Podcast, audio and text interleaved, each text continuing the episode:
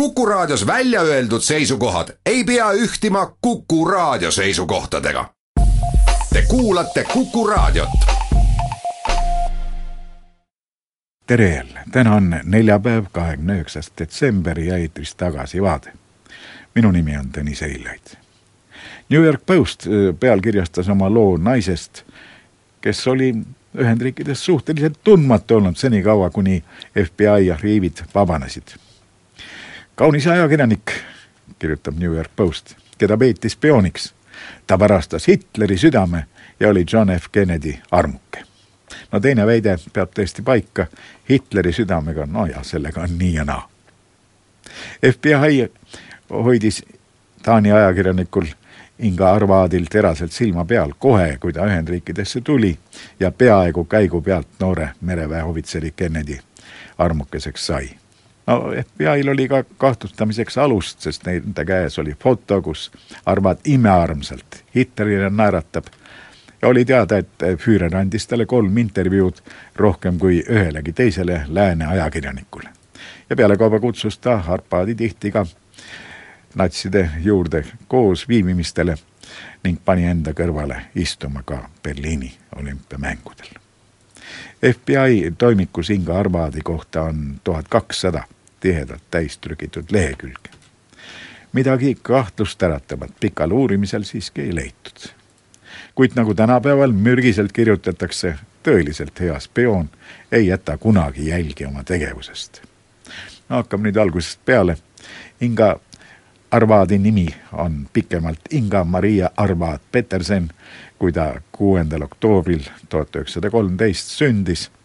tuhat üheksasada kolmkümmend üks ta lühendas oma nime samal aastal, kui Taani ajaleht Berlingske Tidende korraldas iludusvõistluse ja ta krooniti Miss Taaniks. vahepeal käis ta Ühendriikides ära, abiellus seal teist korda. esimene abielu oli tal kiiresti lõppenud suhe Egiptuse diplomaadi Kamal Abdel Nabiga, kellega ta abiellus seitsmeteistkümneaastaselt. aga nüüd Ühendriikides sai tema abikaasaks naturaliseerunud Ungari filmirežissöör Paul Feios no mees oli temaga vändanud kaks filmi, kuigi Arvadi filmikarjääri jäi üldiselt lühikeseks. paar reisis maailmas mõnda aega ringi, muuhulgas Bahamal kohtus ka mitme inimesega, kes olid Ühendriikide mustas nimekirjas, nii et see tugevdas veelgi FBI kahtlusi. Inga sai seejärel mõneks ajaks reporteriks Taani suurimas ajalehes Berliinske Tidende tollased kaastöötajad iseloomustavad teda kui särava sulega noort terast ajakirjanikku. ta käis sel ajal tihti Saksamaal ja sõlmis sidemeid natside kõrgemas juhtkonnas.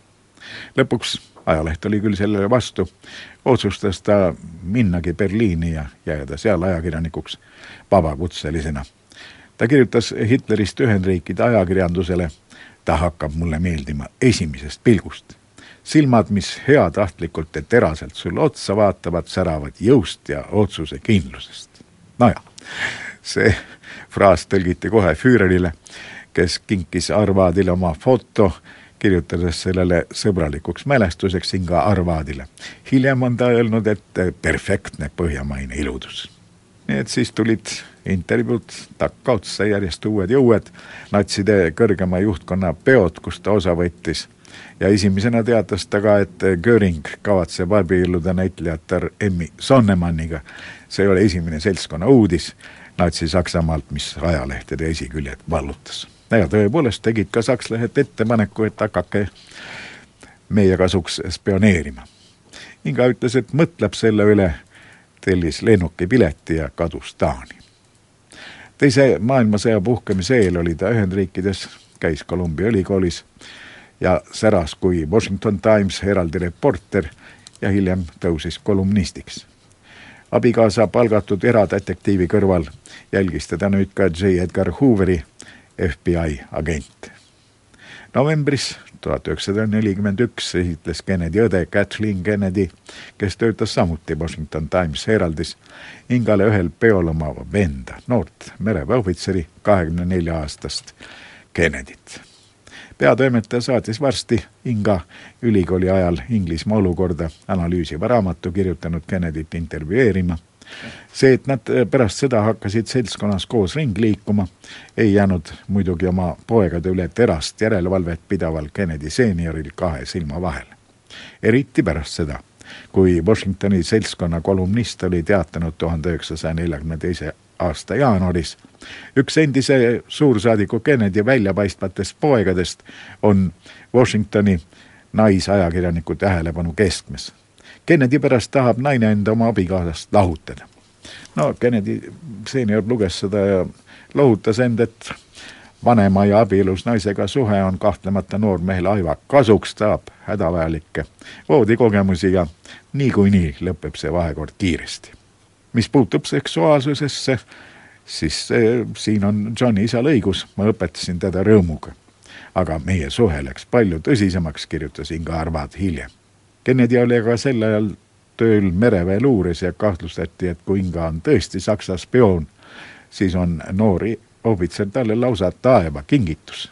ta on uue maja Matahari, arvas Kennedy toonane ülemus, nii et nüüd jälgis naist juba ka mereväe luureagent.